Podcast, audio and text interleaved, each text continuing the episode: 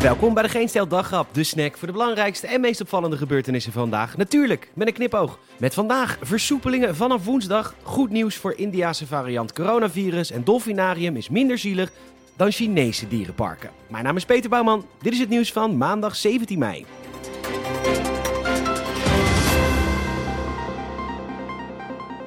Zo, even zodat we morgen de persconferentie niet hoeven te bekijken. De verdere versoepelingen gaan aanstaande woensdag door. Geen pauzeknop, omdat de cijfers in de ziekenhuizen de goede kant op gaan. En dat betekent dat pretparken, dierentuinen, sportscholen, bibliotheken en de benen van sekswerkers weer open mogen.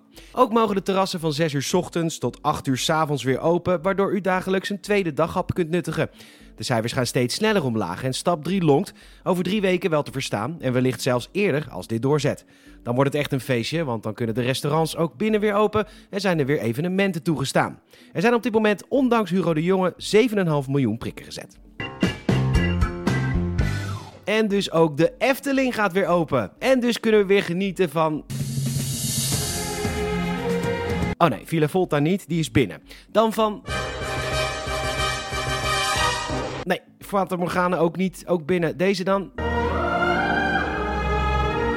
Nee, Symbolica ook niet. Vogelrok niet. Droomvlucht niet. De Baron, Carnaval Festival niet. Nee, nee, nee, nee, nee niet het liedje starten.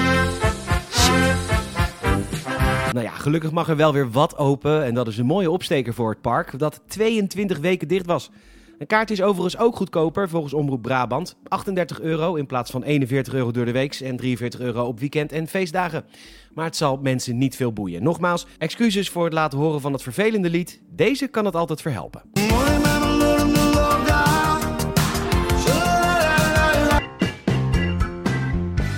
Goed nieuws voor de gevreesde Indiaanse variant van het virus. De huidige vaccins lijken er tegen bestemd te zijn. Dat meldt de Britse minister van Volksgezondheid Matt Hancock. Wel lijkt de variant zich als een lopend vuurtje te verspreiden onder mensen die niet gevaccineerd zijn. Maar Sir John Bell, onderzoeker bij Oxford, bevestigt hetzelfde als de minister. Het neutraliseren van de nieuwe variant is niet aanzienlijk minder. Dat meldt HLN. Als voorbeeld wordt de stad Balten genoemd. Dit is een nieuwe hotspot voor de nieuwe variant. En mensen die daar in het ziekenhuis liggen zijn in meerderheid niet gevaccineerd.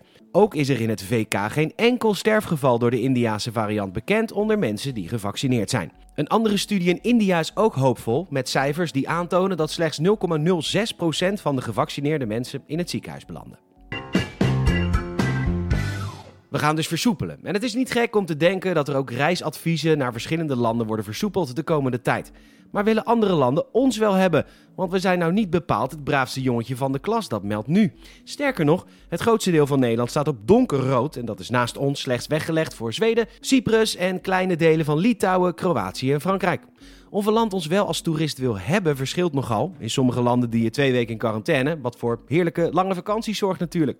Het lijstje is op dit moment niet zo lang, want buiten de landen binnen het Koninkrijk zijn er maar 10 landen waar we welkom zijn. Ondertussen staart coronamisser Hugo de Jonge zich blind op een digitaal corona-ausweis, omdat dit niet te hacken valt natuurlijk en papieren vaccinatie wel te vervalsen. Want god, wat is het vertrouwen in de burger groot in dit nieuwe politieke klimaat. Want wie gelooft er nog in politieke klimaatverandering? Het dolfinarium is volgens heel veel mensen heel erg zielig. Ook minister Carola Schouten is het daarmee eens. En dus besloot het Waterdierenpark het aantal dolfijnen te verkleinen door een aantal van de dieren te verkopen. Maar aan wie verkoop je die beesten dan? Aan een attractiepark in China, waar de omstandigheden natuurlijk veel slechter zijn dan hier. Je hebt het eerder kunnen horen in deze podcast.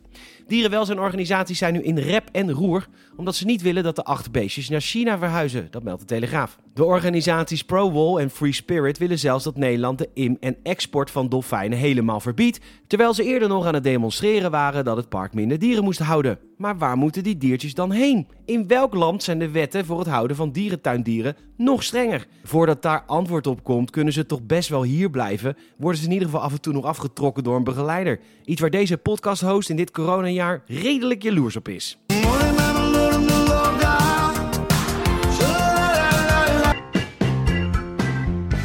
Bedankt voor het luisteren. En je zou ons enorm helpen als je een vriend of vriendin vertelt over deze podcast. Ook een Apple Podcast review zou enorm gewaardeerd worden. Nogmaals bedankt voor het luisteren. Tot morgen.